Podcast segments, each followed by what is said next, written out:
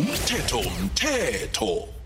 right nje kanje sikhamba phezu kwehlelo lithi siditshile kanti-ke siyakilo nje lihlelo fakelo lithi umthetho mthetho lapho siyelelisana khona eh ngenhloko ezahlukahlukeneko ngezomthetho siphatha-ke eh abosolwazi abahlukahlukeneko sikhulukhulu-ke abantu abamagqwetha basitshela ukuthi umthetho uthini ngesihloko samhlokho sanamhlanje sike sikhuluma ngomasikhuphulane abomasikhuphulane banengi eh esibangelela ke nokuthoma unyaka eh namtjana ke yena kuphakathi nomnyaka kodwa ke kesinye isikhathi kuhambe eh basijikela bomasikhuphulane laba kungasaba muntu woke ozuzako uthini umthetho ngabomasikhuphulane esikhulukhulu labo abakhambe babe ma-scams ngokuhamba kwesikhathi beke indlebeke uzokuzuza lutho likhulu cool. um ngaleli hlelo ungakhona ukuthi-ke uthole i-podcast yalo ku-www ikwekwezfm co za nekhibe mhlambe angeze wakhona ukuthi ulalele lokhe kwanamhlanje sasikhambe sokuthengisa ngemva kwalapho eh sikhulumisane noligqwetha ubaba utebuhowa ku-aphane umthetho umthetho sekamba nocolin biziwa kwamasango king b king biziwe samukela isithekeli sethu sanamhlanje si lotshani babaphani awande biziwe njani hayi sikhona sikezwa ngapho awasivukile nemani nomthisolomani yeyi okuyatshisa ngapho ulubiziwe ye ngejohannesburg apha lithe ukuvala lapha nalapha lipharapare ngamafu kungcono-ke biziwe mhm baba phale sicoce ngendaba enkulu la siya kudisemba kulapha abantu abalindela ukuthi-ke bazuze eh ngemva kokuthi-ke bangenele umasikhuphulane ama-pyramid scheme ungasihlathulela ukuthi nasikhuluma ngama-pyramid scheme sikhuluma ngani Eh ziwe eh, ngithokoze ithuba nabalaleli eh ama-pyramid scheme labiziwe siyawazi eh lekhe sezwa ngawo eh kuba lithengithi i-pitch or investment plan la abantu bayigroup khona bayahlangana kuhlanganiswa imali eh khulukhulu ithoma kancane let's say kuba nabantu abayi-10 abayi-10 aba babuye bathi no ngamane nokurecruiter enye i-20 20 30 njalo njalo iyakhula kuba nemali bese ezi ezi ezi ezi ezi ezuzwako mara ngomthetho sisekelo we-south africa eh ama-pyramid scheme la biziwe nani balaleli awekho emthethweni we understand afrogulent we hmm. understand hmm. ngoba khulukhulu eh awalandeli imithetho sekelo zabo SARS nani nani and then ngobuningi babo ebiziwe eh, ajika abe ma-scam nase-ke acollapse ukuwa and i-pyramid scheme le nayithomako for example let's say ithoma ngabantu abayi-five ah, i-five le itshele abanye ukuthi nokuhamba nokurecruitha um eh, i-ten or i-twenty nafana thoma ama-pyramid scheme la i-five leya kuhle kuhle ngiyo khulukhulu eyaye i-benefit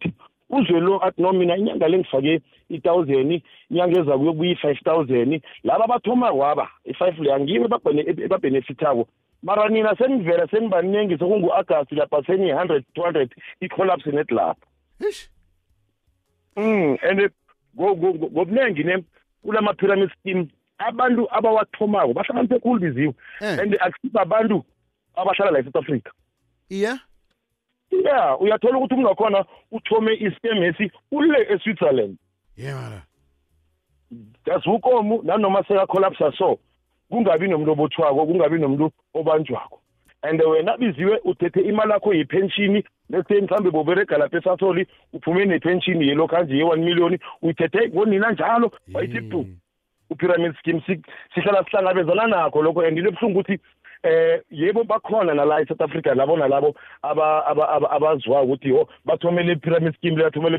ama pyramid scheme but then i process ukuthi mkhambe they are they are brought uh, to court and be accountable ama chance akhona afana bemancane bebiziwe and uthola isitshaba sinengi silahlekelwe izimali zabo mm, mm. uyayikhumbula mos i-triple m ukuthi kwenzakalani ngayo ngikhumbula kakhulu kwamambala um njengombana ukhuluma nje ungivezela iphuze linye bengakalitshegi ukuthi umuntu oyithomako akasiyingwala thina ngombana eh, ifike ngawo thina sazi wena sibophisa wena kodwana nawe kunalapho ripota khona jc banjalo-ke bizivi mm, mm. so umuntu akakhoni ukuthi angabophiseka ngombana into elayisingiyakhe exactly awukhona ukubophiseka and ukhumbule ne nangize kuwe biziwe ngithi cala mani biziwe mani kune-pyramid scheme lapha um ufake i-thousand wena mngani inyanga ezabe izoba yilokhanje izoba yi-five thousand uyifaka wena voluntarily angakhombi ke sigidi ukhumbule hmm.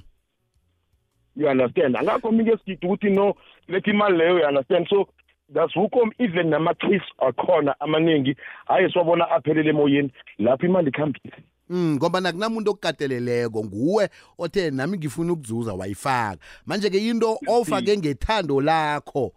akunala eh akunalapho fanulile khona nalokho aseyiwako into le sekuloba kwakho ngombana eh entweni le kunabazuza kokunabalobako uqinisile and eh, isitsho njengoba sithi ukuthi uzenziwa kakhalelo alo ngenziphi ke izinto efanele siziyelele eh ngawo ama pyramid scheme la eh oqhakathekile kone eh, eh, eh number 1 ebiziwe ama pyramid scheme they are fraudulent you understand so mm. nakufika umuntu bathi uzokurecruiter for uh, uh, whatever buza ukuthi who is controlling this pyramid scheme we mm, understand mm, mm, mm. imali ibekwa eh, eh kubani who's controlling the money we understand and then imali le ibhadalwa njani you understand nayokuphuma you understand yeah eh okubhetere mani bebiziwe nabalaleli bastokfel stokfel sona sibhetere ngoba ukhona umthetho oprotector um ukhuluma nangamastokfel mara le ama-pyramid eh, scheme le vele from face value vele ayikho emthethweni shuthi umuntu nakangena ku-pyramid scheme umasikhuphulane shuthi umuntu uyagembula fanazi zibekwa ukuthi ngingazuza ngingaloba injalo bithi put simply injalo hm. Hey aphane ke omunye mhlawumnye nje angahloka isiyeleliso esivela kini bantu bomthetho mhlamba ngalimthola phi inomboro zomtato email address nama office enu eh akwazi ukuthi alulele alulelekeke eh ngendaba le nokhunye nje ukuthinta indaba zomthetho Akunakinga biziwe ama office wethu asesekunda CBD Old Mall ne mm. then i building yethu ingasetransval abantu bayazi transval yale um eh, ngekhemist you understand then iinomboro zethu zethi 017 017 631 631 1902 1902 ngibaya sizibuyelele babaphana zithi um 017 017 631 631 1902 1902 then biziwe ngiba ukushiya i-cellphone number mara ngiba abalaleli bangangifoneli ngo-12 or ngo-11 ebusuku ngiyangibamba ifeneleyo i-cellphone number ambiziwe ithi 076 076 76 76 93 715 715 iya ngoba last abaningi babhalela ukungithola thola ukuthi umuntu akana airtime ukufonela i-landline ngiyatholakala kunomboro lenketho kuyibiza um eh, ye-cellphone naku-whatsapp ungitshele i-whatsapp if angiyiphendule babaphane sithokoze khulu kwamambala mani ungadinwa ngithi nangomuso eh nasithi siba ukuthi usize ngesihloko esithize siba uphendule thokoza mina biziwe and